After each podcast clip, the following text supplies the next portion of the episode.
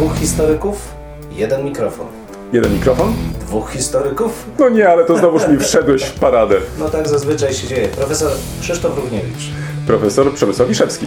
Próbujemy nagrywać to, co nas ciekawi, to, co nas kręci, ale zawsze w kontekście historii. No niestety, takie już mamy, że tylko o historii, chociaż czy zawsze na poważnie? No nie zawsze, a przede wszystkim historia to cały świat. To nie tylko to, co minęło, ale też to, co jest teraz. Chcemy pokazać, że w historii można poznawać się w różny sposób. Zdecydowanie w różny sposób i nawet można się nią bawić. Państwo wszyscy widzą, że się uśmiechamy, więc my się też bawimy nieźle.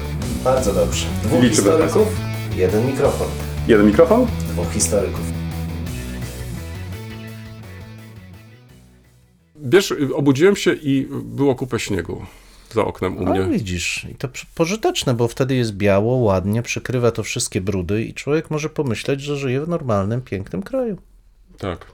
Właśnie, a propos y, bieli, proszę Państwa, Państwo tego nie widzą, ale kolega dzisiaj przyniósł Kremówkę. kremówkę. Ale kremówki, umówmy Tak, się. tak, umówmy się. Kremówki, tak, tak, ale tak, tak. On się odchudza. Zresztą zapowiadał to tydzień temu. Tak, i dostałem od kolegi przepiękny, proszę Państwa, lekko O. tylko stary y, placek drożdżowy. Czyli tak, jest ja mam zjeść kremówkę i Tak. ile to ma kalorii? Z Dwie. Bo dwie kupiłem, to dwie, dwie kalorie, jedna na jedną. To znaczy, ile, ile okrążeń muszę zrobić wokół centrum? Oj, kolega ma tyle energii, że to spokojnie spali. To nie, nie, nie, nie, nie. Tak. Ale piękny placek drożdżowy, dziękuję Tak, bardzo. bardzo ciasto proszę. śliczne. Ale to nie tylko w- mamy kremówki i ciasto Tak, drożdżowe, tak, tak. ale mamy też i kawę. I kawę i Tak, będziemy kawa siorbać. Jest, tak, że będziemy od czasu do czasu sierpać, tak więc przepraszamy już teraz, tak, tak, jeśli... przepraszam. Tak. Um, o, tydzień temu, nie wiem czy sobie przypominasz, Państwo z pewnością tak, ponieważ e, nie powiem, że zasypujecie nas informacjami, listami i tak dalej, ale otrzymujemy, otrzymujemy i faktycznie pojawiły się dwa takie zgłoszenia. Powiem zgłoszenia, a co, tak, niech będzie oficjalnie. Jedno to taka sugestia pod adresem mm, rozszerzenia oferty naszej podcastowej. Um, I co sądzisz o tym? Bo jeden z naszych słuchaczy zaproponował, że skoro tak regularnie publikujemy, oczekujemy, że będą komentarze i tak dalej. Czy nie czas, ażeby stworzyć na Facebooku e, stronę naszego podcastu w formie jakiegoś fanpage'a, czy, czy, czy jakichś tam jeszcze innych.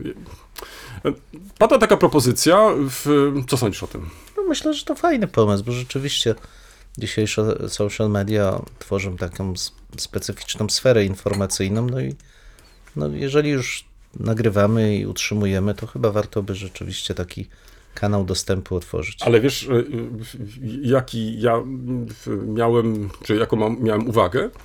Mm, Co do pomysłu, to, to, to nie musimy o to kruszyć kopii, ale ja zacząłem się zastanawiać, kto będzie administrować e, tą stronę.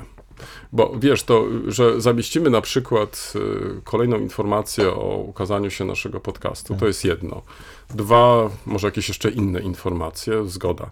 Ale będziesz później śledzić e, mm, wpisy, będziesz prowadzić dyskusje i tak dalej, bo tu mam tą wątpliwość, wiesz, czy, czy znajdziemy jeszcze tyle czasu, żeby e, na przykład nasi słuchacze, którzy będą oczekiwać od nas takich czy innych e, reakcji, czy będą satysfakcjonowani, czy na przykład będziemy w stanie sprostać no, temu nowemu wyzwaniu. Ale cóż, szkodzi spróbować. Znaczy, ja w przeciwieństwie do ciebie, jak wiesz, jestem taki trochę. Ty jesteś osiołek- malcontent. Osiołek Maruda, więc e, ja nie przewiduję To ty powinieneś tutaj teraz e, ogromnego ruchu na, tej, Aha. na tym fanpage'u. Natomiast oczywiście uważam, że oprócz e, naszych informacji Mhm, o samych odcinkach możemy zamieszczać też informacje o lekturach. Ach. A, Więc okej. zawsze to rzeczywiście jakoś ten ruch będzie generować. A jeśli będzie zapotrzebowanie ze strony słuchaczy na dodatkowe informacje, to czemu nie? Wydaje mi się, że jest to do zrobienia. No tak, tylko że jeszcze jest druga rzecz. Co z naszą stroną internetową w takim razie, która towarzyszy Mhm. podcastowi? Czy tym samym nie mm, zeprecjonujemy naszej strony? Nie, no bo strona służy czemuś zupełnie Czyli innemu. jako, Ona- bardziej jako wizytówka. Tak, ona archiwizuje naszą działalność, jest cały czas, natomiast fanpage jest fanpage'em. Okej, czyli coś bardziej takiego krotochwilnego. no, krótkochwilnego, bardzo ładne określenie, ale też inni użytkownicy korzystają z e, social mediów, a inni ze standardowych stron internetowych, więc ja Czyli nie dopóki e, nie będzie się od nas żądać jakichś dodatkowych e, mm, opłat, tak? Za, Tak. To za, spokojnie za, za korzystanie z, te, z, te, z tego Tak. medium. Mogę nawet otworzyć taki fanpage. No ma dobrze, no to, to, to w takim razie świetnie, to, to, to mamy pierwszą sprawę załatwioną. Tak. Druga, mm, jeszcze z tym związana, to złożyłem wniosek. Tak jest, Kolego, kolego, tak, tak. zdążyłem. Pracował Dziękuję. w pocie czoła. Dziękuję tutaj wszystkim pracownikom Tak, tak, tak. uniwersytetu za ich cierpliwość. Walczył dzielnie. Tak, tak. Do ostatniego momentu. Do ostatniej kropli atramentu w drukarce drukował, to prawda. Nie, nie, te, tym razem wiesz, to nie, to, to, to tutaj od razu cię poprawię. Nie, nie, to, to być może to są jakieś stare informacje. To teraz wszystko załatwia się elektronicznie. No i w, nie, nie, nie zdradzę jeszcze, bo, bo, bo to jest wniosek grantowy. Tak to określiłem w komentarzu, że chcę wznieść nasz podcast na nowy poziom. I się wszyscy boją. Kolega malcontent. Bo zaraz to pewnie skomentuje, a po co nam jeszcze kolejny nowy poziom? Nie no, ja myślę, że tu chcemy wprowadzić trochę ruchu do naszego podcastu. Poza tym, no dobrze, to, to, to może jedno zdanie powiem więcej. E, To, na czym nam też zależy, to znaczy, żeby tak między E, no, to, że my jesteśmy usieciowieni między nami, to jest okej, ale chcemy też się usieciowić bardziej z innymi, tak więc to też jest jeden z celów, e, który sobie postawiłem w tym grancie. No zobaczymy, może, może się uda. Ja trzymam kciuki, oczywiście także dlatego, że kolega wtedy więcej ruchu, to spali tą kremówkę. Boże, to ile ja mam tych kremówek zjeść? Jeszcze zobaczysz. No dobrze. Ale to, to, to jest może ta część taka dotycząca, bym powiedział, takich, takich e, spraw technicznych związanych z naszym podcastem, chociaż nie mniej ważnych, wydaje mi się. Druga e, rzecz e, to wydaje mi się. chyba winni jesteśmy tylko takiego krótkiego w, może wspomnienia, że braliśmy udział w dyskusji i to też jest efekt trochę naszych rozmów podcastowych, bo Może nie o samym przebiegu, bo kto z Państwa miał czas i ochotę, to mógł wziąć w tym udział, tym bardziej, że było to spotkanie otwarte dla wszystkich. Natomiast e, bardziej chodzi mi o coś innego, to znaczy, że mm, takie rozmowy jak nasze, e, które mm, no, mogą zasygnalizować tylko taki czy inny e, temat, czasami są w pretekstem, ażeby szerzej, w sposób bardziej pogłębiony rozmawiać na taki czy inny temat, który podjęliśmy. E, I wydaje mi się, że to jest fajne. Wiesz, to znaczy, to takie połączenie, e, połączenie e, tej naszej rozmowy mm, z tym, to jak ta rozmowa może jeszcze być wykorzystana mm, na innych polach, na innych płaszczyznach i to jest fajne. Absolutnie tak, ja bardzo się cieszę. Spotkanie upłynęło w miłej atmosferze, ale przede wszystkim Długie fajnie... było, słuchaj. Nie Długie miałeś było. takiego wrażenia też, że Bardzo ciekawe dyskusje. dwa razy, słuchaj, dłuższe niż nasza rozmowa. No tak, ale w tej Więcej rozmowie wzię, więcej wzięło osób udział, tak. Ale też przede wszystkim fajnie, że rzeczywiście te podcasty są elementem dyskusji, nie, że nie funkcjonują tylko w wąskim kręgu, ale trafiają szerzej i to mi się bardzo podoba. E, Jest jeszcze jedna rzecz chyba, słuchaj, którą warto podkreślić, to to, że mm, chyba to też jest jeden z efektów e, pandemii i, naszego zamknięcia przez kilka dobrych miesięcy, że mm, wiemy, że także i są takie formaty, to znaczy, że możemy e, je wykorzystywać częściej, nie zawsze musimy się spotykać na miejscu, chociaż Mm, Coraz bardziej się przekonuję, że także i te spotkania są e, po prostu ważne, wręcz nawet w niektórych przypadkach konieczne. Ale nie zmienia to postaci rzeczy, że faktycznie w jednym miejscu zebrać tak bardzo zróżnicowaną publiczność, jaką udało się zebrać e, naszym koleżankom i kolegom, no nie jest łatwo. E, W jednym miejscu, ja już nie mówię o kosztach i tak dalej, czyli nawet te dwie godziny, które mm, upłynęły nam bardzo szybko jednak chyba. Ym, No, raz pokazały, że, że, że, że warto, warto się wymieniać, dwa, że są bardzo różne punkty widzenia. Ale wiesz co? Zauważyłem jeszcze jedną rzecz, że mimo upływu czasu nadal nie nauczyliśmy się mieć włączonych e, kamerek. Że nadal e, w, w, w, miałem takie wrażenie, mówiliśmy tylko do osób, które z nami dyskutowały, natomiast pozostałe gdzieś tam się skryły za. A nawet nie zadały sobie trudu, żeby na przykład e, Awatar jakiś jakiś awatar sobie tak. e, No nie wiem. e, Ale też pamiętaj, że czasami to jest kwestia łączy e, kamera mimo wszystko obciąża łącze. Jeśli masz słabe łącze, No no, to, jakiś obrazek, no. no to daj obrazek. Słuchaj, no to będziesz przynajmniej do obrazka mówić, no, albo będziesz na przykład mógł e, w, w jakiś sposób e, nawiązać do tego, no. No, No jesteśmy obrazkowi, nie? Detale, No. detale. Dobrze, to czyli ta kwestia zamknięta? Tak, To co, to, to, to właściwie chyba tak, tak? Prze, tak, przechodzimy. Ale ty już ciasteczko sobie zagryzłeś? Ugryzłem, jeszcze- już ugryzłem. Aha, tak, dobrze. No, tak. Nowinki, starowinki, kolega. Tak, e, tak jak obiecałem, troszkę kontynuuję temat e, paleo, czyli e, obecność kobiety w e, No, paleolicie. tak, 8 marca się zbliża. Marca się zbliża tym bardziej i dlatego też dzisiaj jest słusznie w- tym temacie majestat pań, które mniej lub bardziej uczestniczyły w jakiejś sferze władzy w tym okresie paleolitycznym. No bo mm, nam popkultura chyba głównie, ale troszkę też i narracja archeologiczna narzuciły obraz tych społeczności paleolitycznych jako zdominowanych przez mężczyzn łowców, gdzie w, albo mamy do czynienia z taką rolą stricte, hmm, no jak powiem służebną, to może za daleko posunięte, ale jednak kobiety pełnią funkcję matek, przygotowujących posiłki ewentualnie. Natomiast ich rola w tej strukturze e, grupy jest no, niższa niż rola dominujących mężczyzn łowców. Od razu trzeba powiedzieć, że te struktury władzy odtwarzane są na podstawie obserwacji współczesnych społeczeństw, tak zwanych tradycyjnych. No i trudno powiedzieć, na ile, w jakim stopniu odpowiadają one realiom e, paleolitycznym.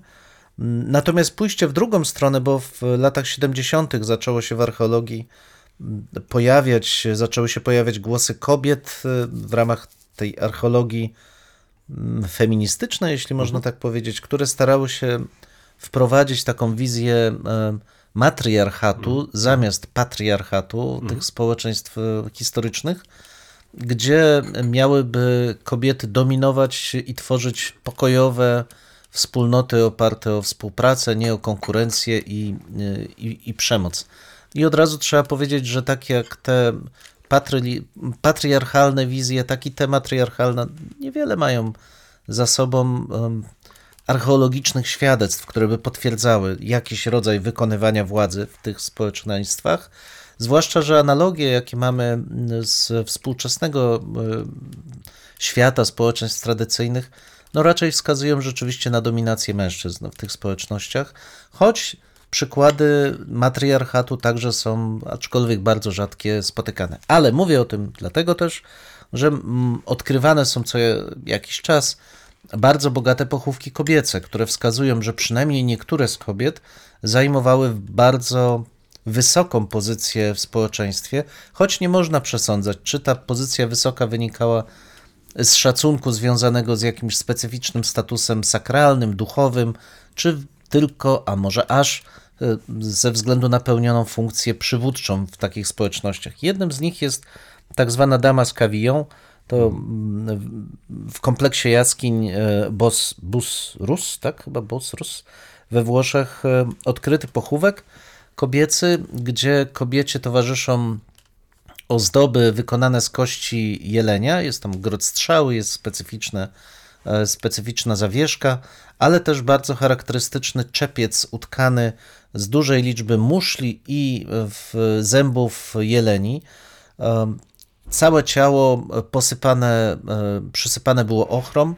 No i sam nakład pracy związany z tym e, pochówkiem, ale też fakt, że do mm, jego wykonania wykorzystano rzadkie materiały. Te zęby jeleni były bardzo trudne w pozyskiwaniu i były kosztowną ozdobą. Czepiec utkany z, z muszli, wreszcie posypanie całego ciała ochrom. Wszystko to wskazuje, że mamy do czynienia z wyjątkową, e, z wyjątkową osobą. Jeszcze ciekawszy jest e, w pochówek tak zwanej śpiącej królewny Saint-Germain-la-Rivière w mm, dolinie rzeki e, Dordogne. Tam z kolei towarzyszy, towarzyszą pochówkowi, pochówek jest w ogóle szczególny, bo e, całe ciało jest e, w no, takim charakterystycznym grobie, czy pochówku o charakterze grobu, e, bo wydzielony został płytami kamiennymi z e, te, tego calca, w który został wkopany z ziemi, który z, i z kolei także nakryty płytami kamiennymi. No więc to dość szczególne jak na ten czas pochówek, a z kolei towarzyszą mu znowu te specyficzne zęby jelenie pochodzące aż od 60 egzemplarzy jelenia. 60. Co Ale to nie więcej, podróbki. nie, nie podróbki tym razem. I co więcej, na tym terenie, w którym jest ten pochówek, w tym czasie jelenie w ogóle nie występowały. co świadczy o tym, że specjalnie dla tej osoby zebrano na, poprzez wymianę, podróże, bo musiano przekroczyć e, Pireneje między innymi, żeby móc zebrać te, czy pozyskać te zęby, e, te ozdoby, żeby wyposażyć ją na tą drogę pośmiertną. To znowu wskazuje na charakterystyczne przekonanie, że akurat dla tej osoby, dla tej kobiety trzeba było tak e, duży zasób tych cennych ozdób e, pozyskać. No i nie jest to tylko jakby kwestia europejska, bo także w jednym z wykopalisk z terenu dzisiejszego Izraela odkryto pochówek kobiety, której towarzyszy wielki talerz z bazaltu. Też bardzo cenna, też bardzo cenna ówcześnie rzecz. No, podsumowując, można by powiedzieć, że tak jak znajdujemy bogato wyposażone pochówki łowców, mężczyzn, tak i tego typu pochówki również bogato wyposażone w odniesieniu do kobiet są znajdowane, co zdaje się wskazywać, że te struktury społeczne i przekonania dotyczące roli kobiet i mężczyzn były bardzo zróżnicowane, najzwyczajniej w świecie. No i jeszcze dużo przed nami, zanim będziemy w stanie określić, jaka rola, jaką rolę odgrywały poszczególne grupy e, społeczne w tej społeczności, grupy płciowe Płciowe.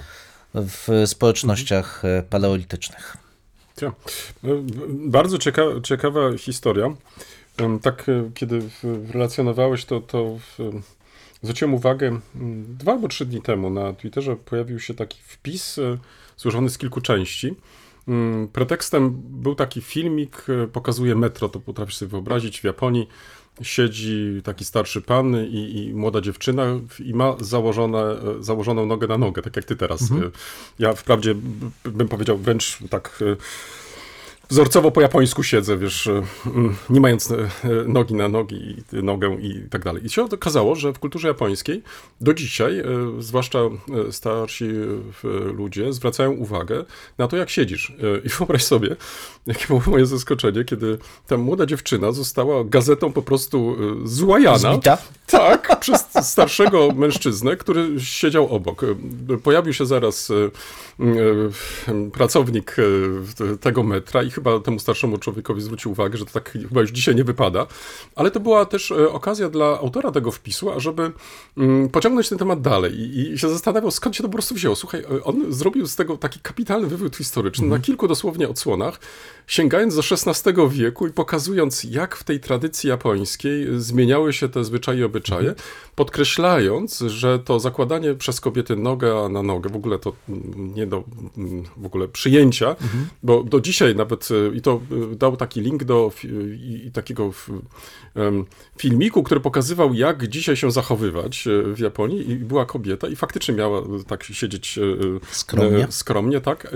I, I na koniec tego filmiku pokazano, jak ta dziewczyna czy kobieta, która tak skromnie siedzi, nagle zakłada sobie nogę na nogę i wtedy taki wielki napis. Nigdy! Po japońsku, nie, no coś w tym stylu. Ale okazało się, że to właśnie zakładanie nogi na nogę, nogę do Japonii wprowadzili wprowadzono pod koniec XIX wieku z zachodu, to, więc jest to po prostu ten taki efekt e, tej modernizacji Japonii w tym czasie i tak dalej. No i em, jeżeli podchodzisz do tego w ten sposób taki bardzo tradycyjny, to, to, to, to, to musisz także na to zwracać uwagę, no ale dzisiaj to jednak mm, trochę, trochę inaczej ludzie na to patrzą. Ale co ciekawe, i to też pojawiło się w kontekście też mężczyzn, że mężczyźni na przykład mogą mieć rozłożone nogi, w, także w, em, w, w metrze i, i, to, i to nie budzi żadnych jakichś kontrowersji. No, to akurat tak, a propos właśnie tych, tych, tych społeczeństw, e, właśnie tam e, matriarchalnych, niematriarchalnych i na co się po prostu zwracać uwagę. Ale na co innego, słuchaj, em, em, chciałem zwrócić uwagę w kontekście tej części naszej rozmowy, mianowicie mm, czy przypominasz sobie taki projekt Kamienice? No tak. prowadzony przez, przez e, panią redaktor Janę Milewczyk. Mm, Najpierw pojawiły się audycje w Radio RAM, później w, ukazała się wersja książkowa wybranych, e, wybranych e, w, w historii. Teraz mamy możliwość na mapie Wrocławia znaleźć te miejsca. Wykorzystano do tego mm, geoportal Dolny Śląsk. E, I mam przed sobą e, właśnie to, to rozwiązanie. No jest to rzecz kapitalna, to znaczy poprzez znaczniki udało się y, w, przenieść te audycje, które dotychczas były dostępne w internecie, ale nie miały takiego wspólnego łącznika albo wspólnej płaszczyzny i umieścić y, te wszystkie historie na mapie Wrocławia. I możesz bez większych problemów sobie wywołać taki właśnie znacznik i co znajdujesz? Na przykład em, naturalnie pojawia się tytuł. Ja tutaj wybrałem jeden z pierwszy, lepszy przykład. Tato, który nadawał ulicom nazwy. I tutaj pojawia się numer odcinka, dalej jest lokalizacja, jest też data emisji i teraz y, oprócz tego jest króciutka informacja o tym odcinku. No i teraz słuchaj. Tato Andrzej Jochelson we Wrocławiu był już pod koniec maja 1945 roku. Razem z Bolesławem Drobnerem i profesorem Witoldem Taszyckim natychmiast zabrał się za porządkowanie miasta, prawnik, pisarz, naczelnik Wydziału Kultury i tak dalej, i tak dalej. Krótko masz y, takie streszczenie każdego odcinka, a później możesz naturalnie sobie wywołać e, e, link i posłuchać e, cały odcinek. Mm, Zwróciłem na ten portal uwagę, ale też i na to rozwiązanie, ponieważ w ostatnich tygodniach zastanawiam się, w jaki sposób tworzyć ścieżki edukacyjne. I wydaje mi się, że jest to jedna z możliwości, to znaczy korzystając chociażby z, z takich portali, można bezkosztowo, przynajmniej tak mi się wydaje, ale to jeszcze muszę sprawdzić, e, umieszczać różnego rodzaju informacje. Tym samym nie ma konieczności ingerowania w przestrzeń publiczną, a możesz wykorzystać chociażby te narzędzia elektroniczne, żeby umieścić e, w, na takich portalach informacje, które chcesz wykorzystać, na przykład do tworzenia takiej e, ścieżki edukacyjnej. Wydaje mi się, że to jest bardzo ciekawy pomysł. Mm, Tak, przed naszą audycją wymieniłem się uwagami z niektórymi nauczycielami, czy w, korzystają na przykład e, w szkole z e, mm, na przykład z Google Maps i tak dalej, czy tworzą na przykład takie, takie ścieżki historyczne. Tak, tworzą, także to nie jest nic nowego. Ha, wyjdzie na to, że w, to, to ja tylko w, w jakoś przespałem chyba całą sprawę, bo muszę ci powiedzieć, że mm, zastanawiam się nad stworzeniem jednej takiej ścieżki edukacyjnej. No i myślę, że w, tutaj w ten portal w, z informacjami, które zamieściła pani redaktor Mielewczyk, no jest takim bardzo dobrym punktem wyjścia do tego, ażeby stworzyć także i własny e, portal.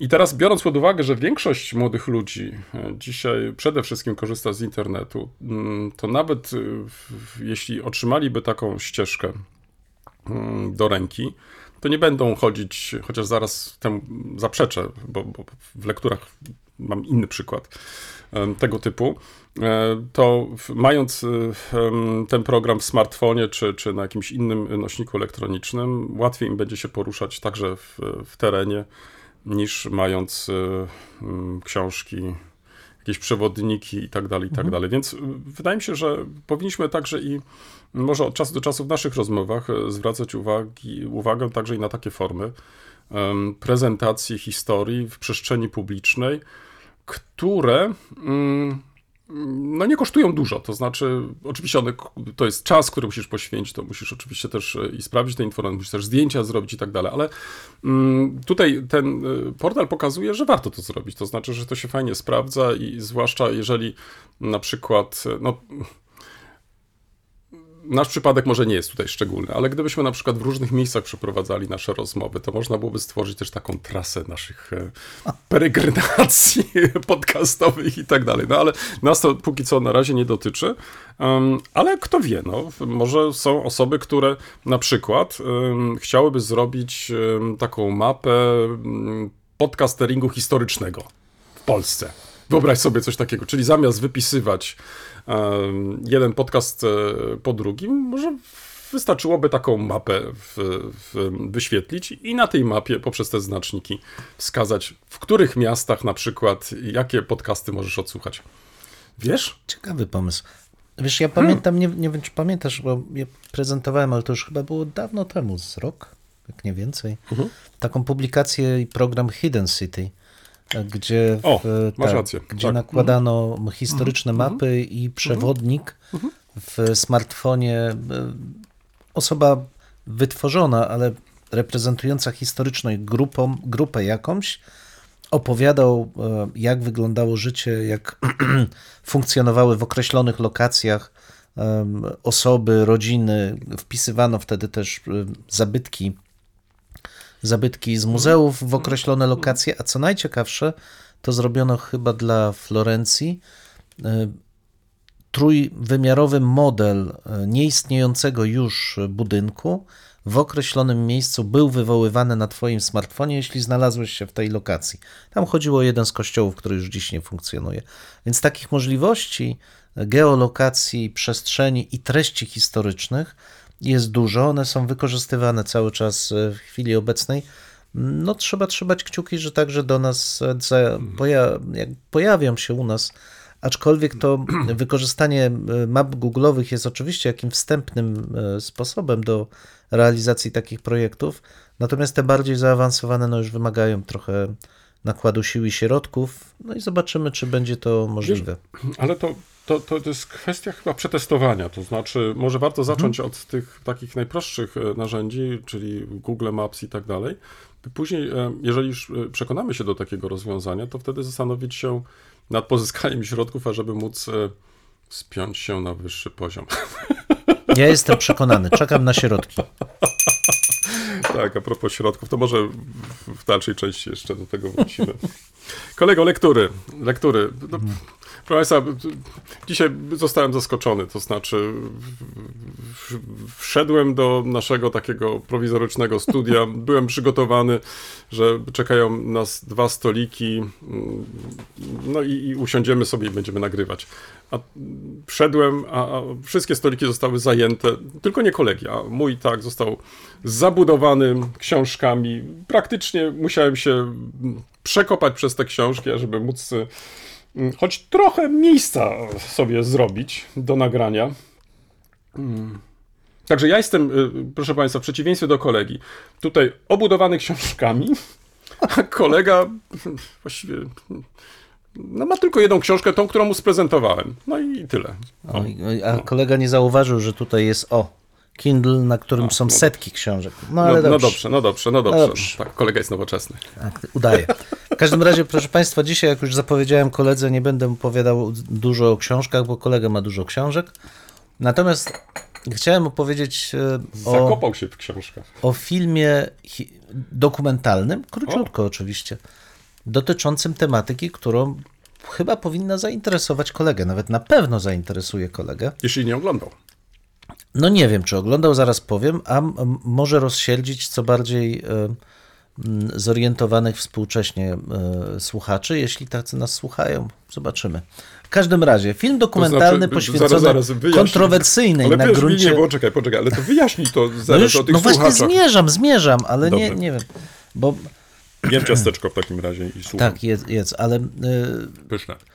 to pytanie dotyczące chyba, chociaż wśród naszych słuchaczy chyba takich osób nie ma, ale jeden z wpisów na stronie Deutsche Welle e, rozsierdził część e, czytelników, co spowodowało, że ja sam zadałem sobie pytanie, skąd u niektórych ludzi takie może czasu, że specjalnie śledzą strony, które zamieszczają treści, które ich rozsierdzają.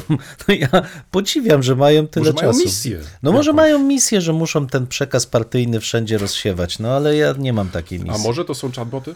A może to są chatboty, może i tak. W każdym razie, do, do, do rzeczy, do rzeczy. Zurich Zuzachen, proszę Państwa.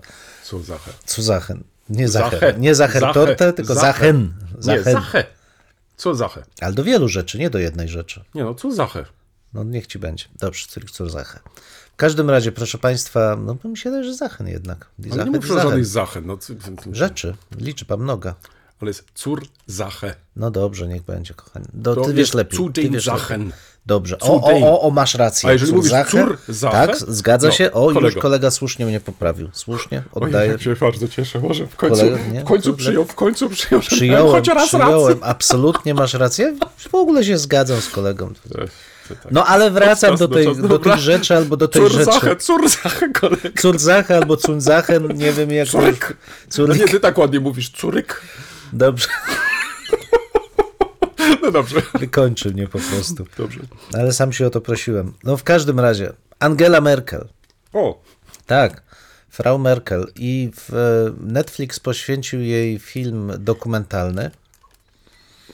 Bardzo ciekawy, chyba dla mnie bardzo ciekawy nie tyle ze względu na lata kanclerskie, które moim zdaniem tam dość powierzchownie zostały przedstawione, ale okres e, wcześniejszy, czyli pełnienia funkcji e, pani minister w rządzie Helmuta Kohla. To się źle skończyło dla Helmuta Kohla, no ale też sam się o to prosił, bo, e, ale to nie, nie będę tego streszczał, Państwo zobaczą no, ostatni, epi, ostatni okres rządów, czy właściwie to, co stało się przyczyną upadku Helmuta Kohla, a paradoksalnie stało się przyczyną wyniesienia czy kariery e, pani, pani Merkel. No ale tak jak mówię, dla mnie ciekawsze są wcześniejsze lata. Znowu, dlaczego ona znalazła się w rządzie Helmuta Kohla, jak, jakie funkcje pełniła w tym rządzie. I taka swoista przemiana osoby, która musiała stale pilnować siebie, to co mówi, jak się zachowuje pod okiem wielkiego kanclerza, w bardzo mm, w gruncie rzeczy ekspresywną w ostatnich latach kanclerstwa panią kanclerz, która jednak cały czas pozostawała tą samą dość skromną osobą o wyważonych e, poglądach.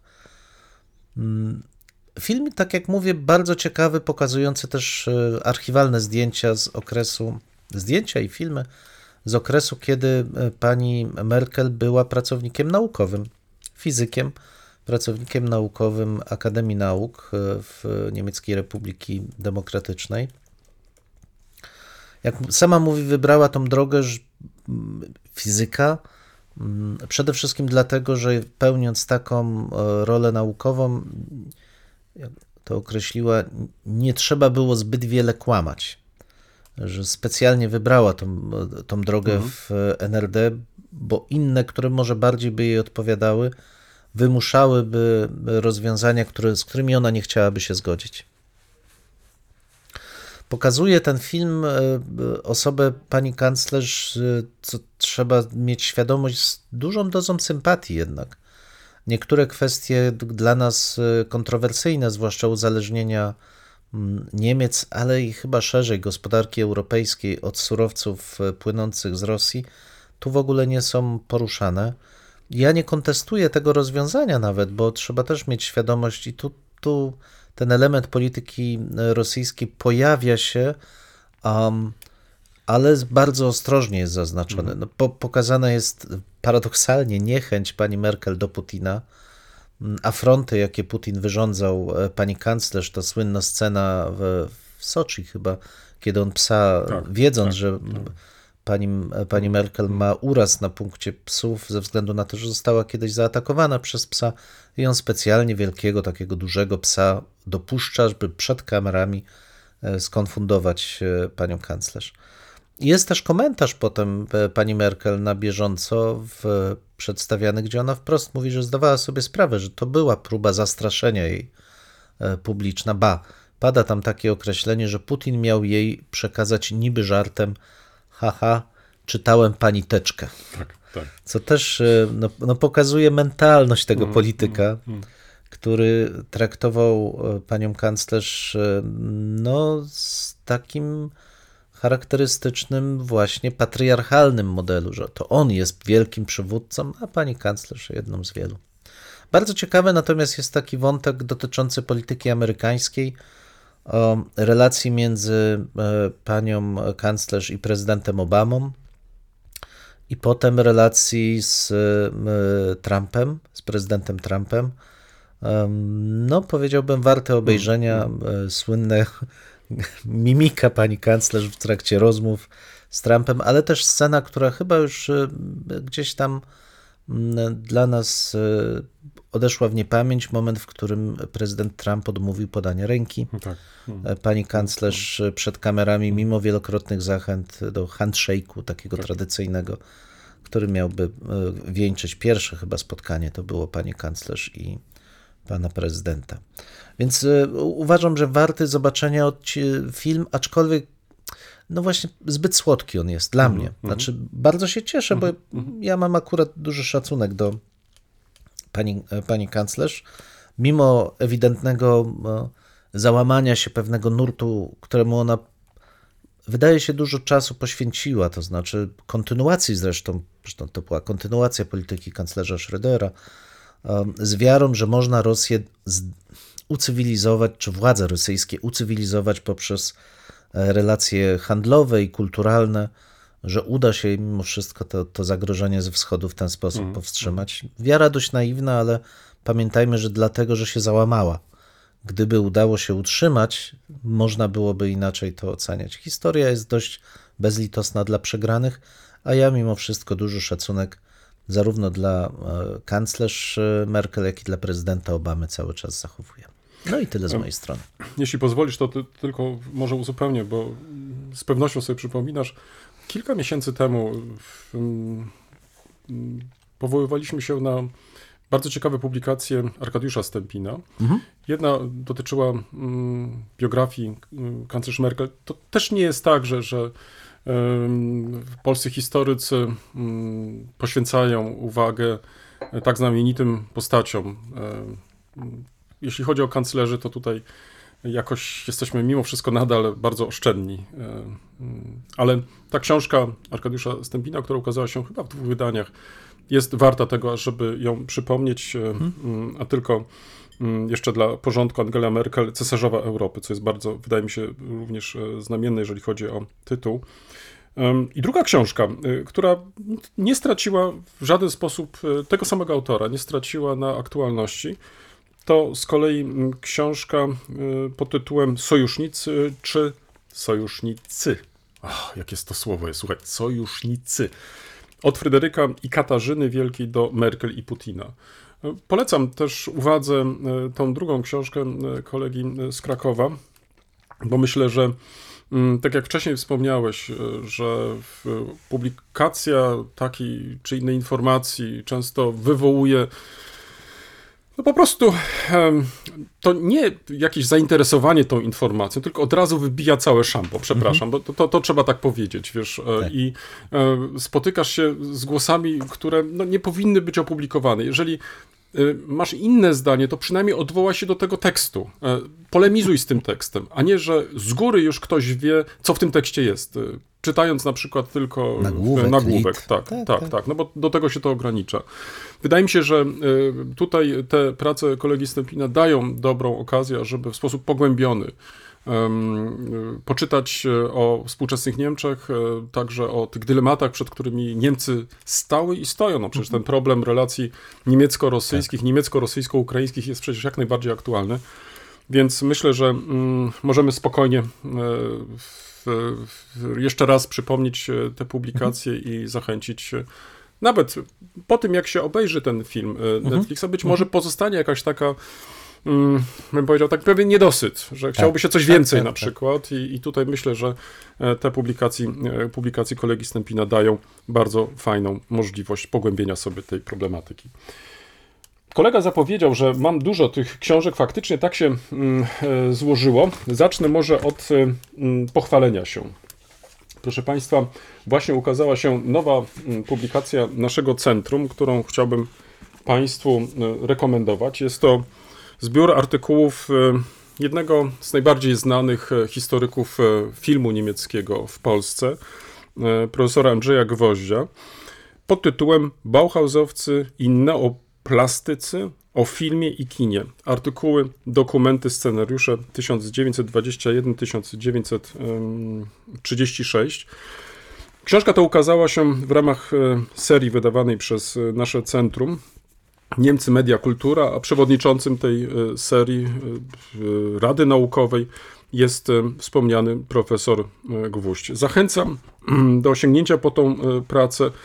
Mm, Myślę, że wszystkie osoby, które interesują się Niemcami e, lat dwudziestych, mm, z pewnością zwrócą na mm, tą książkę uwagę, a specjaliści od e, historii kina, ich nie muszę przekonywać, z pewnością za chwilę będą mieli tą książkę na swoich e, półkach. Książka, jak kolega widzi, tutaj chyba przyzwyczajamy pomału naszych czytelników, że jest przepięknie wydana. Tak jest. Oprócz potwierdzam. tego, oprócz tego że, że, że jest w twardej oprawie, to jest także i ta już obowiązkowa zakładka.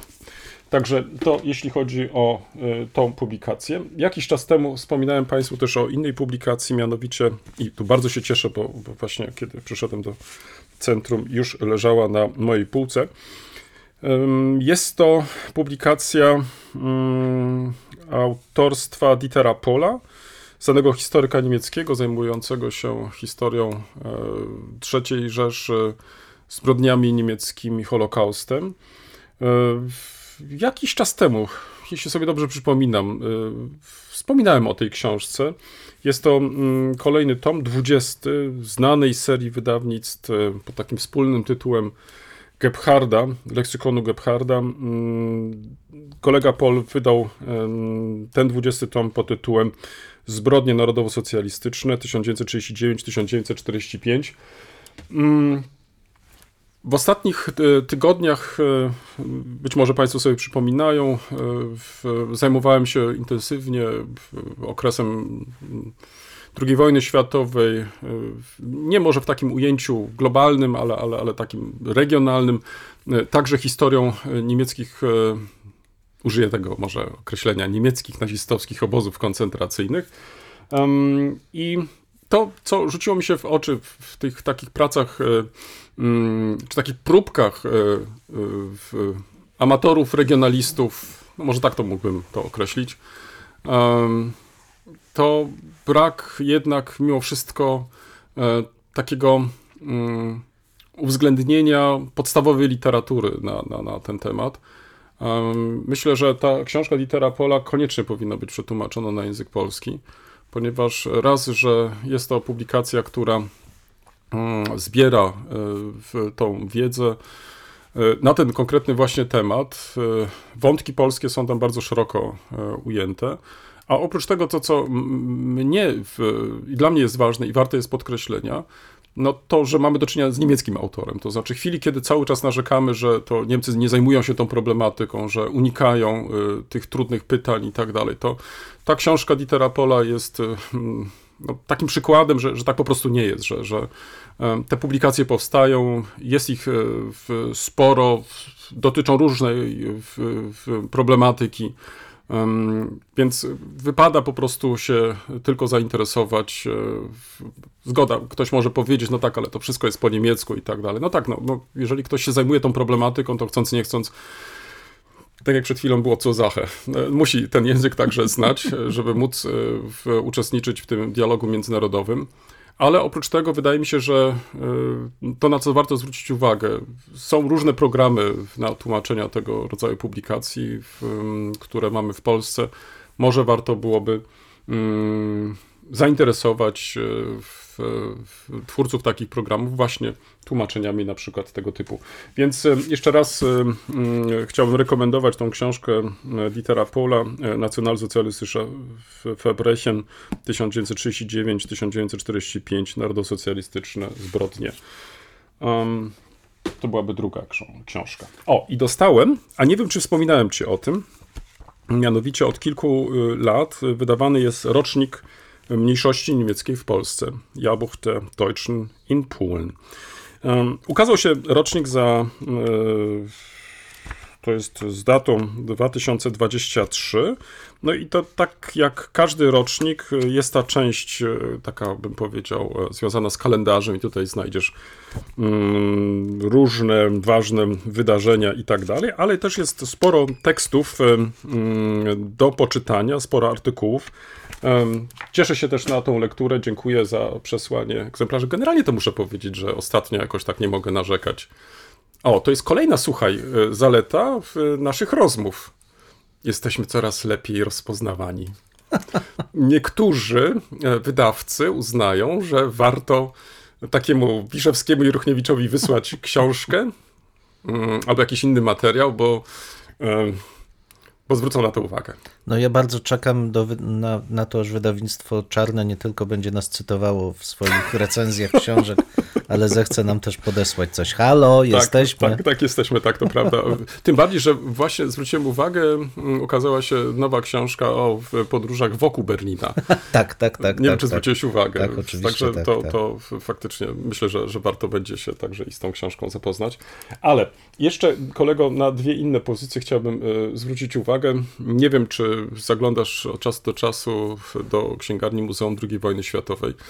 No ja z racji tego, że, że tak jak wspomniałem, e, interesowałem się w ostatnich e, tygodniach e, dosyć intensywnie Mm, można się interesować intensywnie, zajmować się intensywnie.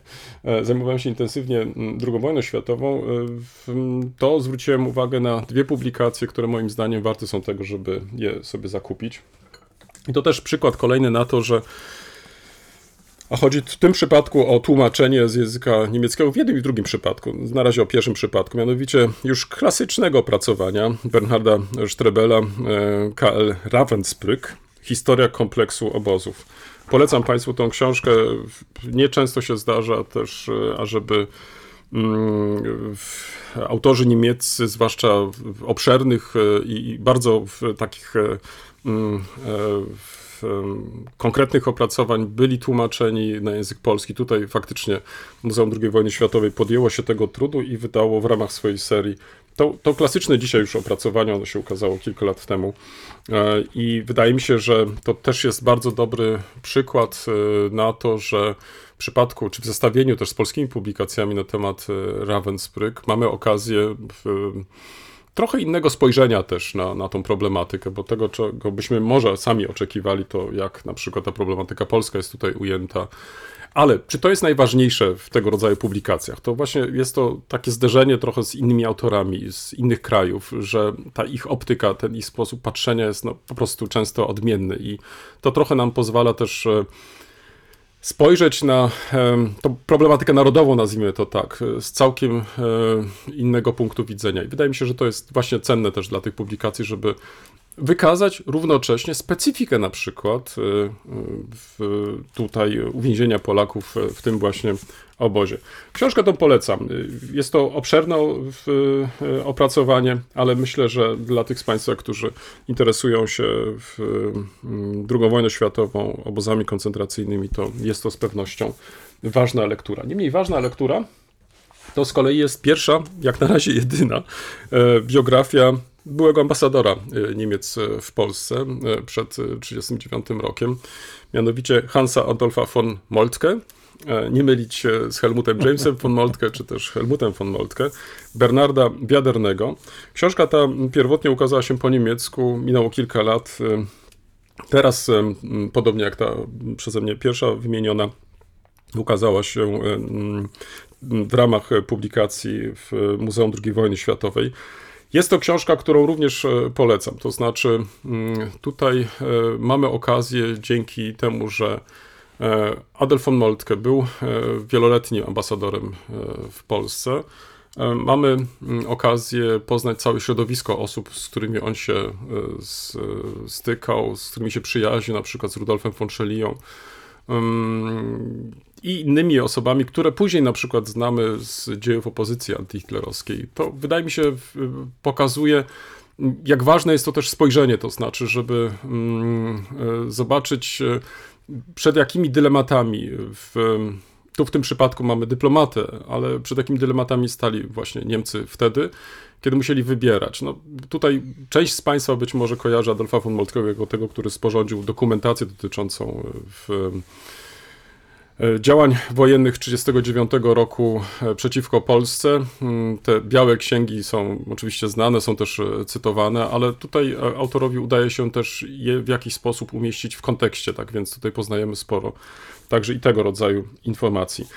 Czego mi brak? E, To brak mi trochę takiego mm, wstępu dla polskiego czytelnika. To znaczy, oczekiwałbym, że jednak ta książka, która ukazała się kilka lat temu w Niemczech, że teraz, kiedy ona jest przetłumaczona na e, język, e, na język polski, że będzie ona poprzedzona też e, jakimś wstępem lub też zakończeniem dla polskiego czytelnika. To znaczy, bo ta postać Adolfa Moltkego cieszyła się już wcześniej zainteresowaniem polskich historyków czy też prawników. I może warto byłoby tutaj też trochę jakoś e, tą książką umieścić na tle polskich badań. To znaczy, żeby polski czytelnik nie miał wrażenia, że mamy tutaj oto z jednej strony ważną e, biografię tego właśnie dyplomaty, ale z drugiej strony, że także i w Polsce takie badania były prowadzone i to można byłoby bardzo ładnie wyartykułować. Więc ja myślę, że em, jeśli na przykład e, Muzeum II wojny światowej będzie się zastanawiać na przykład nad dodrukiem albo przygotowaniem drugiego wydania, to myślę, że taki wstęp e, by się pewnie przydał. A biorąc pod uwagę, że majątek Adolfa von Moltkego, jeżeli sobie dobrze przypominam, znajdował się tutaj na Śląsku, no to warto byłoby także mieć to dzisiaj na uwadze. Tym bardziej, że y, ten pałac, on do dzisiaj istnieje i jest w rękach wprawdzie prywatnych, y, ale udało mi się, tak na marginesie, to jest pod y, Oławą, udało mi się y, w, mm, może tak, przekonać właściciela, ażebym mógł przynajmniej z zewnątrz zobaczyć ten pałac. Wiesz, to przeciwny generalnie jestem temu, żeby robić jakieś zdjęcia na przykład e, z, z, przez płot i tak dalej. To trochę nie, nie w porządku, więc z, po prostu zadzwoniłem, okazało się, że jest właściciel. Zapytałem się, czy mogę zrobić kilka zdjęć e, tego majątku, bo interesuje mnie postać e, von Moltkego. No i udało się. I faktycznie dzięki temu mogłem coś zrobić. Jeżeli Państwo pozwolą, to link do tego tekstu, który napisałem jakiś czas temu, chętnie także dołączę do opisu naszego podcastu. I na koniec, kolego, tak żeby już e, e, faktycznie skończyć e, mm, to, mm, ponieważ kolega ostatnio tak się zarzekał, że, że, że on się odchudza i tak dalej, i tak dalej. To nie chodzi tylko o to, żeby kolega tutaj. E, Nie tylko chodzi o to, ażeby kolega e, wstawał e, rano z łóżka i to tym samym uznał, że to już jest ten, to odchudzanie. Tylko być może zachęcę go do tego, żebyśmy na przykład wsiedli na rower, chociaż chcieliśmy wcześniej wsiąść na skutery, ale to zobaczymy. No może do tego jeszcze dojdzie. Kryzys, kryzys, Kry-. To właśnie, słuchaj, właśnie widzisz, em, e, szukałem tego właściwego słowa. E, jest Co się stało? Co się stało, że, że musieliśmy zarzucić te nasze plany? Ale myślę, że rowery możemy wyciągnąć, prawda? Możemy, Z naszych nawet- e, Puh, piwnic, oczywiście. garaży i Bóg wie Tak, co- tak, czego tak, tam. Otóż otrzymałem od e, naszego byłego chyba już studenta, jeśli się nie mylę, Mirosława Łuczko, piękny prezent. Mianowicie, wiedząc o tym, że interesuje mnie powiat oławski, no i od czasu do czasu jeżdżę rowerem, to sprezentował mi dwie e, naprawdę super e, rzeczy. Pierwsza to jest e, mapa powiatu ławskiego i okolic, więcej niż mapa, gdzie znajdziesz tutaj różne miejsca, które warto byłoby odwiedzić. Tak więc jest to też mapa Świetne. nie taka typowa geograficzna, ale też taka turystyczna, która pozwala ci faktycznie dotrzeć do różnych miejsc. O, proszę bardzo. Koledze przekazuję, żeby sobie zobaczył. I druga e, rzecz, e, e, za którą mu naprawdę ogromnie dziękuję, bo, bo wydawało mi się, że, że, że śledzę publik, no, różne publikacje, wydawnictwa regionalne, ale na to nie trafiłem. A tutaj on mi zwrócił uwagę i jeszcze do tego sprezentował. Mianowicie, mam przed sobą przewodnik rowerowy powiat ołapski, pięknie, przepięknie wydany, z kilkoma trasami rowerowymi. Mm, Autorami są Wojtek Sienkiewicz i Jacek Bereźnicki. Um, wydawcą jest Starostwo Powiatowe w Oławie. Mm, Ta publikacja ukazała się w 2018 roku i skorzystałem już z niej. Wprawdzie nie rowerem, bo to jeszcze e, nie jest ta pogoda, poza tym teren jest e, dosyć podmokły i tak dalej, ale miałem ten przewodnik e, m, ze sobą, kiedy chciałem zobaczyć tereny mm, popoligonowe. Tu chodzi o mm, poligon do testowania broni produkowanej przez zakłady Krupa, Berta Werk e, w czasie II wojny światowej. Pozostało sporo różnych e, pozostałości po tym poligonie i tak mając w ręku ten przewodnik, e, szedłem od jednego obiektu do drugiego. Opis jest bardzo ciekawy, przekonujący. O ścieżce edukacyjnej, którą właśnie stworzono w tym miejscu, to może powiem przy innej okazji.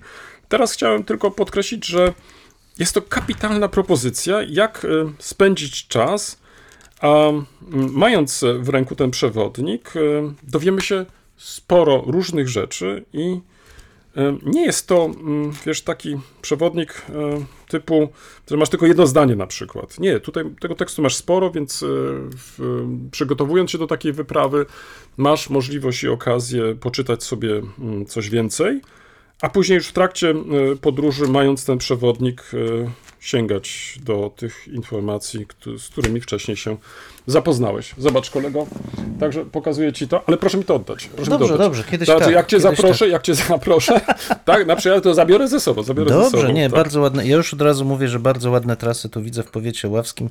Co ciekawe, fajnie są skomunikowane, bo Mhm. mamy na przykład bardzo ciekawą trasę z Oławy do Jelcza Laskowic. Mhm. No i 30 kilometrów to jest do zrobienia. Absolutnie. Przez Widzisz? dworce PKP. O. No, tylko trzeba czekać wiosny. Niech śniegi zajdą. tak? I ruszamy w trasę. I ruszamy w trasę. Zdecydowanie. Będziemy, o, wiesz, to wtedy możemy sobie mapę zrobić dla podcastu. Które miejsca zwiedziliśmy, a których nie Tak, zwiedziliśmy. tu zszedłem na zawał, a Mhm. tu mnie kolega ratował. Dobrze, dobrze, dobrze.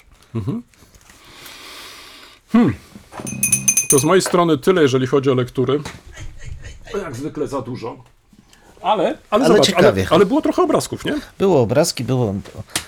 Ale proszę Państwa, dzisiaj mamy bardzo ciekawy temat, związany też z obrazkami, Tak. bo kolega dostał informację o niezwykle to jest ta ciekawej. druga rzecz, o której e, Tak. mówiłem na początku naszego podcastu. Sieciujemy i tutaj nas nasi słuchacze Tak. zasieciowują Tak. y, bardzo ciekawymi wydarzeniami i Czy informacjami. mogę ci przeczytać?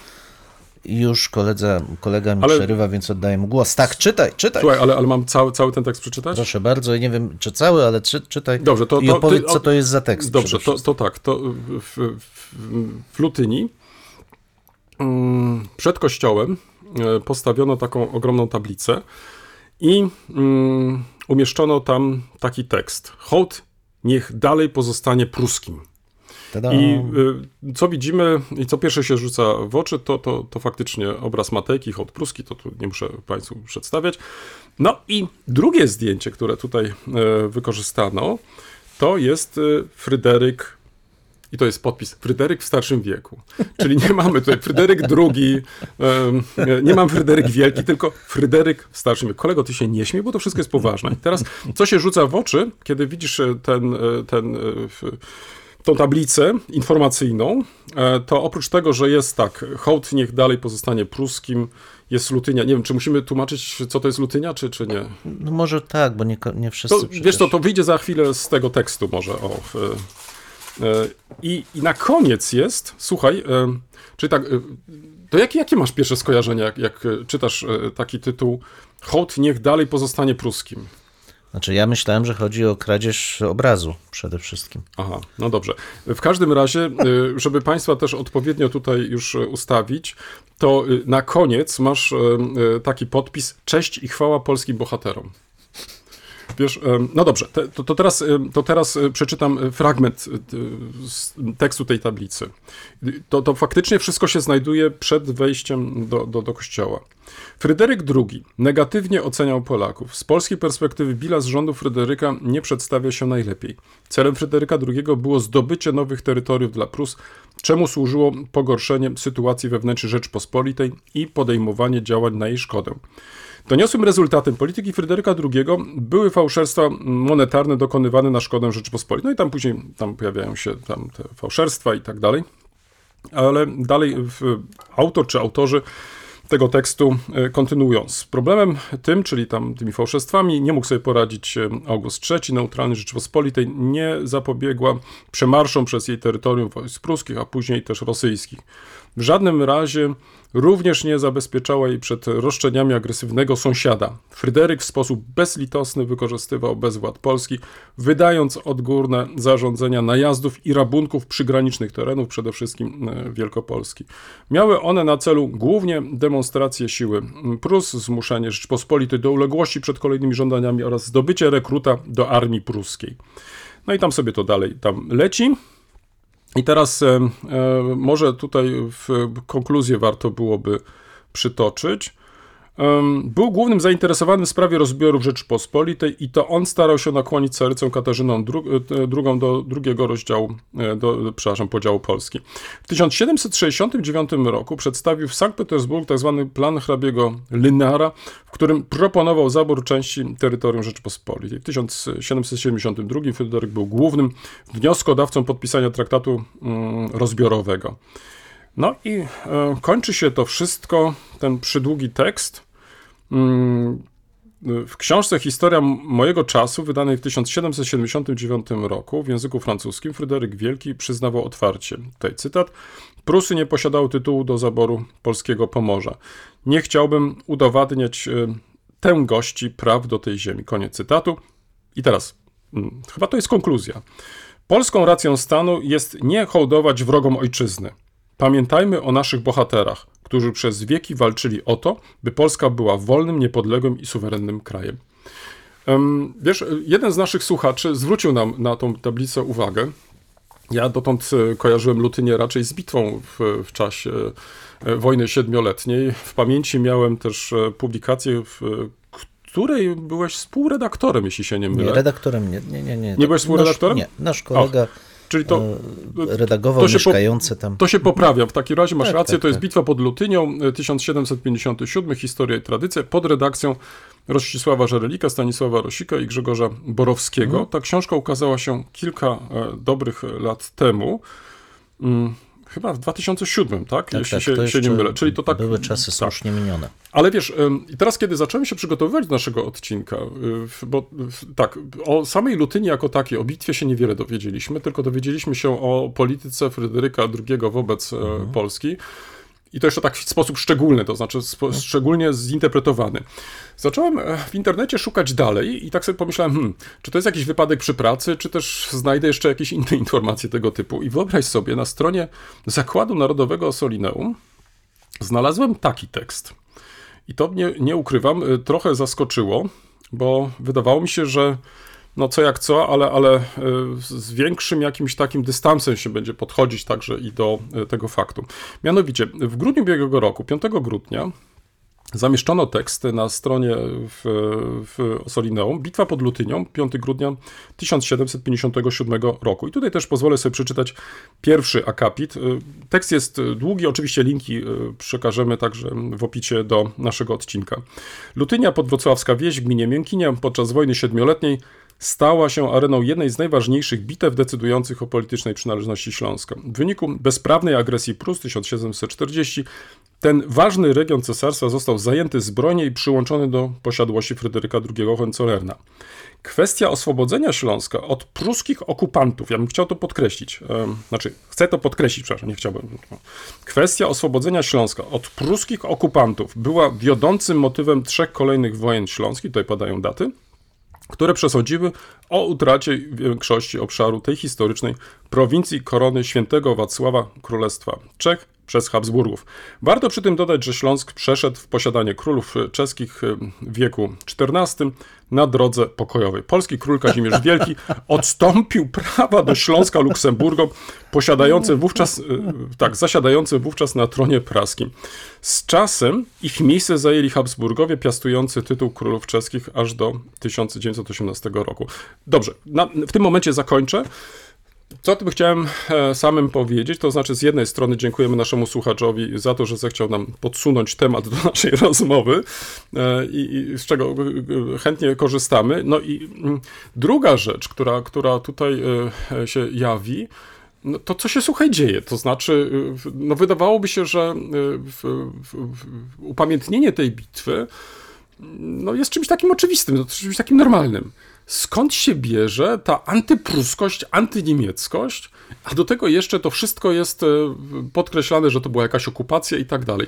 Oczywiście Pewnie to zależy od z jakiego punktu widzenia chcemy to rozpatrywać, czy na przykład austriackiego, czy, czy, czy też polskiego i tak dalej, ale czy, czy to nie jest działanie ahistoryczne? Czy na przykład używanie w kontekście, tak jak na przykład na stronie w, jest tutaj e, w końcu bardzo ważnej i, w, i szacownej instytucji określeń okupacja, no wiesz, ja jednak mimo wszystko byłbym bardziej ostrożny, jeśli chodzi o używanie tego rodzaju określeń.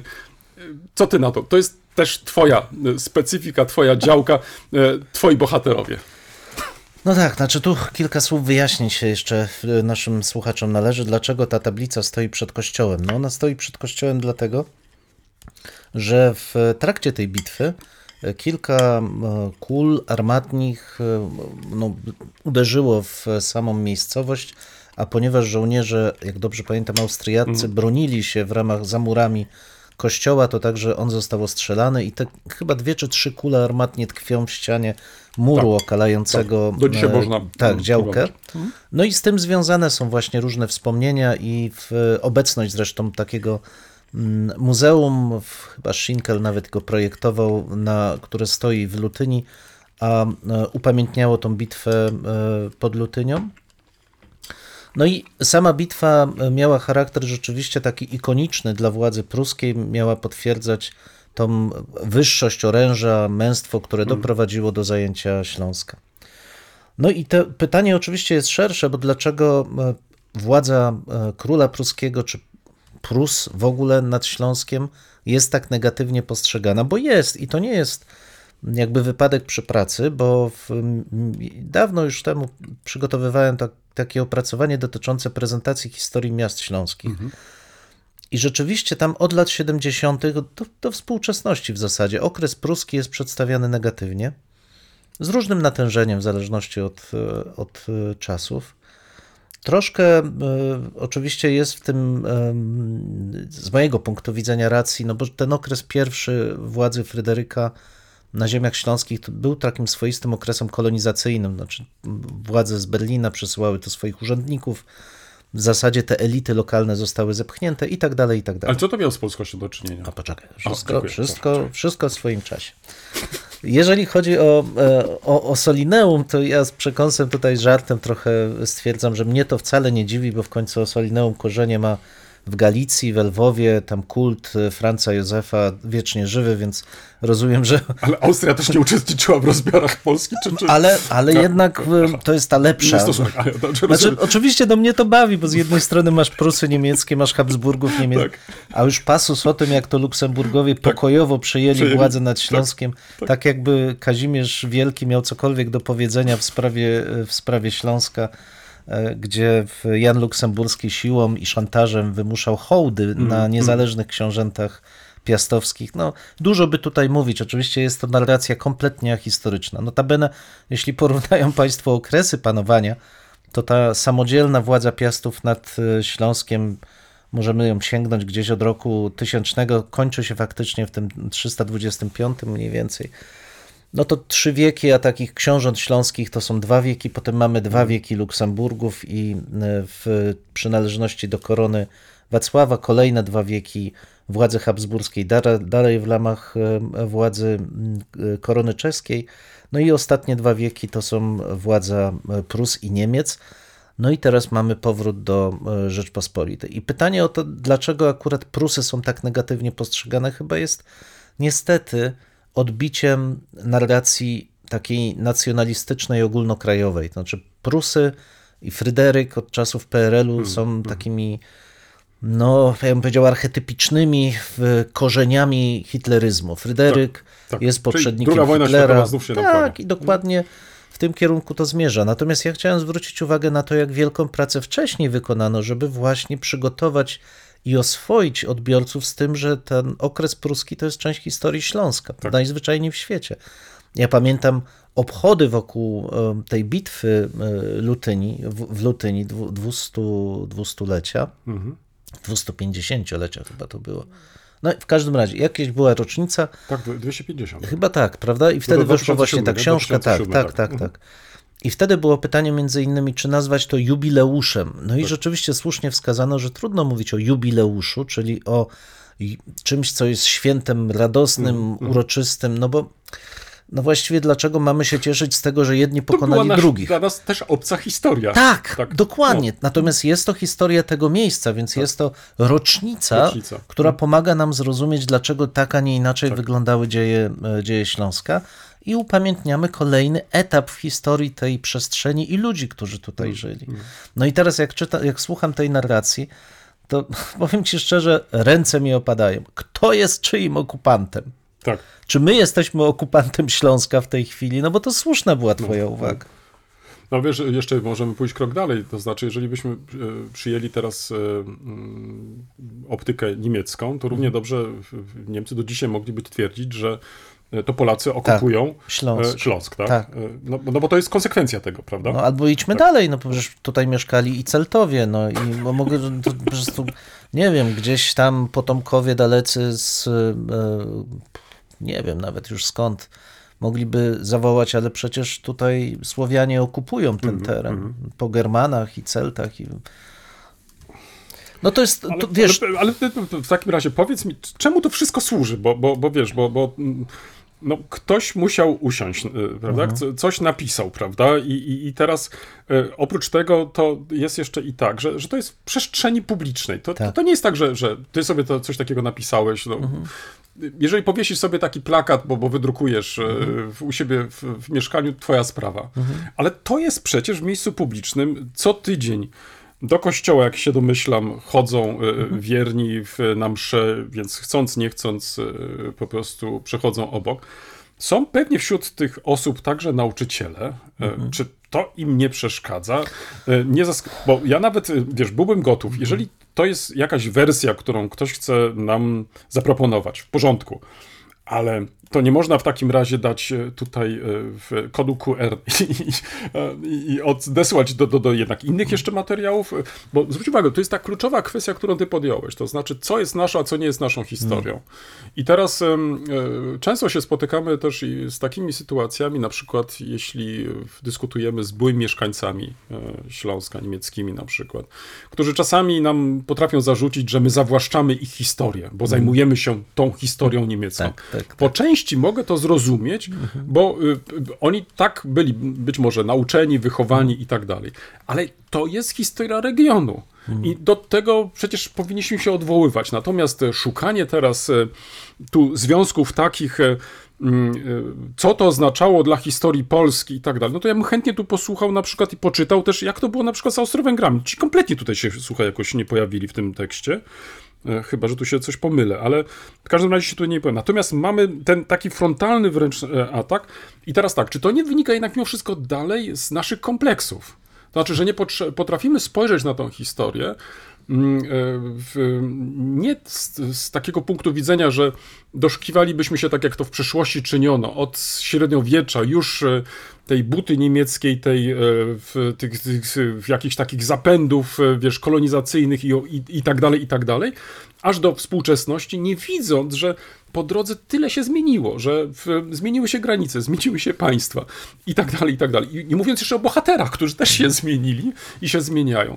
Mm, Także z jednej strony wydaje mi się, że rzeczą ważną jest na pewno badać, na pewno e, w, popularyzować, no ale róbmy to naprawdę z rozmysłem. Znaczy wiesz, no to jakby musimy odróżnić moim zdaniem dwie rzeczy. Historia jest przede wszystkim ludzka. Ona opisuje funkcjonowanie ludzkich społeczności, przemiany cywilizacyjne, kulturowe. I ja tak z tej perspektywy patrzę też na historię regionu. To nie jest coś wyrwane z kontekstu, to jest coś, co funkcjonuje w całej sieci zależności. Perspektywa narodowa jest dla mnie absolutnie nie, znaczy ja jej nie dopuszczam. Dla mnie to jest zawężające. Rozumiem, że jest to element polityki, rozumiem, że jest to element ludzkich emocji. Tożsamościowy Tożsam- też w niektórych No, sytuacjach. Okej, w porządku, każdy ma prawo do tego i ja przecież nie neguję komuś, żeby, żeby mógł sobie wyrażać opinie, ale to są opinie. To są wyłącznie opinie i w dodatku ten przekaz jest tak tendencyjny w, swoim, e, w swojej treści, że warto by się zastanowić nad wiarygodnością czegoś takiego. Nie negując, że tak jak mówisz, każdy na swojej Boże, na swojej prywatnej działce może Tak, postawić tak. równie dobrze wielki plakat i, i, i cokolwiek sobie tam wyczyniać. Pytanie dlaczego i kto, i na czyim gruncie taki, taki przekaz stoi, bo ten ktoś podpisuje się pod tym przekazem. Jeżeli stoi to na gruncie e, parafialnym, no to jednak ksiądz proboszcz podpisuje się pod takim przekazem. Jeżeli stoi na gruncie gminnym, no to wójt czy, czy sołtys podpisuje się pod takim przekazem. Natomiast y, już jakby odpowiadając, czemu to służy, no trzeba daleko służyć. No niestety jest to kolejny element nagonki takiej antyniemieckiej, która sączy się z najwyższych szczytów władzy i co z żalem stwierdzam, powoli przesącza się także niżej. Ja dalej stoję na stanowisku, że jednak Polacy nie są wrogo nastawieni do Niemców, ale takie sączenie tej nienawiści, co uważam za absolutnie karygodne ze względów nie politycznych, tylko stricte społecznych. Nienawiść nie jest narzędziem wzmacniającym cokolwiek, jest tylko narzędziem rozbijającym. Będzie wydawało bardzo złe skutki w kolejnych e, latach, bo takie emocje negatywne zostają. Ja powiem szczerze, że jestem zbulwersowany tym, bo ja pamiętam tą rocznicę w bitwy pod Lutynią, pamiętam jak przygotowywano do otwarcia muzeum, jak cała społeczność się cieszyła, że dzieje, był festyn, że dzieje się coś, że, że No Lutynia to jest... gdzie się podziała ta społeczność? No to jest dobre pytanie. Gdzie? Znaczy, ja uważam, że niestety w naszym kraju panuje taki w tej chwili klimat jakiegoś zastraszenia, gdzie tylko ci, którzy czują poparcie, takie silne wsparcie władzy, zabierają głos i krzyczą. był 2007 rok, zobacz, jak e, powiedzieliśmy. Czyli nie minęło, zobacz, ile lat, a już mamy na przykład tego typu e, historie, że ktoś potrafi em, postawić, e, ufundować i jeszcze e, to jest e, dla wszystkich widoczne w, e, w, w przestrzeni publicznej. Tak, no i znaczy wiesz, ja o tyle się nie dziwię, że w swoim ostatnim wpisie na, na blogu pokazywałem, jak zmieniały się takie obiektywne wskaźniki tak zwanej wolności akademickiej w Polsce. Od 2015 roku jest gwałtowny spadek obiektywnych wskaźników, ale też wskaźników wynikających z odczuwania przez ludzi tej wolności akademickiej. 20% poniżej tego, co było przed 2015 rokiem. To znaczy, że społeczeństwo, a przecież akademicy są tylko jego częścią, wyraźnie odczuwa, że jest kontrolowane, że narracja politycznie ukierunkowana dominuje. No i ciężko na to patrzeć. Znaczy, ja zgadzam się z Tobą, że to jest y, także smutne, bo pokazuje na, na, na to, jak bardzo nasze wysiłki są. Ale zobacz, to, to ja chcę tak trochę pozytywnie może No, w, w, zakończyć, bo kilka dni temu ukazał się bardzo ciekawy artykuł w mojej lokalnej gazecie y, redaktora naczelnego, który wręcz y, wspierał te osoby, które zajmują się e, historią regionalną, dbają o cmentarze, które interesują się e, historią, że, że nie można się poddać, że e, trzeba po prostu to robić, bo, bo to jest dla nas ważne. To, jest też, to też pokazuje, że, że staramy się coraz bardziej rozumieć tą przestrzeń historyczno-kulturową, w której przyszło nam e, funkcjonować. Więc e, czy to nie jest też tak, tak jak przed chwilą powiedziałeś, z jednej strony są jakieś wskaźniki, które pokazują, że odchodzimy od tego czy od tamtego, ale z drugiej strony, czy to nie dzieje się trochę też z naszego być może jakiegoś lenistwa? Bo popatrz, z drugiej strony, jeżeli e, przed chwilą powiedziałeś, że była społeczność, że miałeś to wrażenie, że ludzie za tym stoją, no to co się stało przez te ostatnie kilka lat, że ci ludzie użyłeś tego określenia, są zastraszeni. Może nie chcą się wychylać, e, może nie chcą zwrócić uwagi. E, A gdzie jest ta nasza obywatelskość? To znaczy, no, no przecież to jest w końcu e, coś, co my współtworzymy, prawda? Mnie się wydaje, że w, jeżeli na przykład jest jakaś grupa, która uważa, że ma użyję takiego ładnego określenia niemieckiego, Deutungshochheit, to znaczy, że ona wie lepiej, prawda? To zgoda. Mają prawo do tego, mnie nic do tego. Ale jeżeli e, czytamy takie bzdury i takie głupoty, no to powinniśmy tutaj interweniować, powinniśmy zwracać na to uwagę, bo w innym przypadku wyjdzie na to, że my to akceptujemy, chcąc nie chcąc, poprzez naszą bierność. No, zgadzam się z Tobą, natomiast mówię jeszcze raz, że to jest, to jest niestety kwestia specyficznego czasu, w którym się znajdujemy. Ja bym nawet, ja osobiście uważam, że paradoksalnie dobrze świadczy o Polakach, e, że w przestrzeni jest stosunkowo niewiele takich komunikatów, że przy całym nasileniu propagandy politycznej i też tak zwanej polityki historycznej, tego typu negatywnych komunikatów społecznych jest bardzo mało. Warto je wychwytywać, warto wspierać tych, którzy pozytywnie patrzą, troszczą się o krajobraz kulturowy i historyczny, działają na jego rzecz i to będziemy zawsze robić. Potraktujmy to teraz tak, że być może był to wypadek przy pracy i dziękujemy naszemu słuchaczowi, że zechciał podesłać nam taki materiał. Może takich przypadków nie ma więcej, ale kto wie, może Ale nasza to- skrzynka za chwilę zapełni się. Trzymajmy kciuki, żeby nie przykładami. Szukajmy pozytywów. Jednak ja uważam, że warto, mimo że jestem takim kłapouchem trochę, to jednak warto o tych pozytywach też mówić. Tym miejscu stawiamy kropkę lub też jak to woli kropkę nad i. No, mamy nadzieję, że to nie jest koniec, że to jest początek Waszych dyskusji. Mam nadzieję, że Was zaciekawiliśmy. Prosimy o komentowanie naszych em, zmagań z historią. Poniżej zdjęcia jest wystarczająco dużo miejsca. I pamiętajcie, nie regulujcie odbiorników. No, my naprawdę tak brzmimy. E, tak, chociaż być może czasami e, może trzeba ściszyć. No może czasami ten nasz rechot by się przydało wyciąć nawet. Dwóch historyków, Jeden mikrofon, jeden mikrofon. dwóch historyków. Dziękujemy. Dziękuję.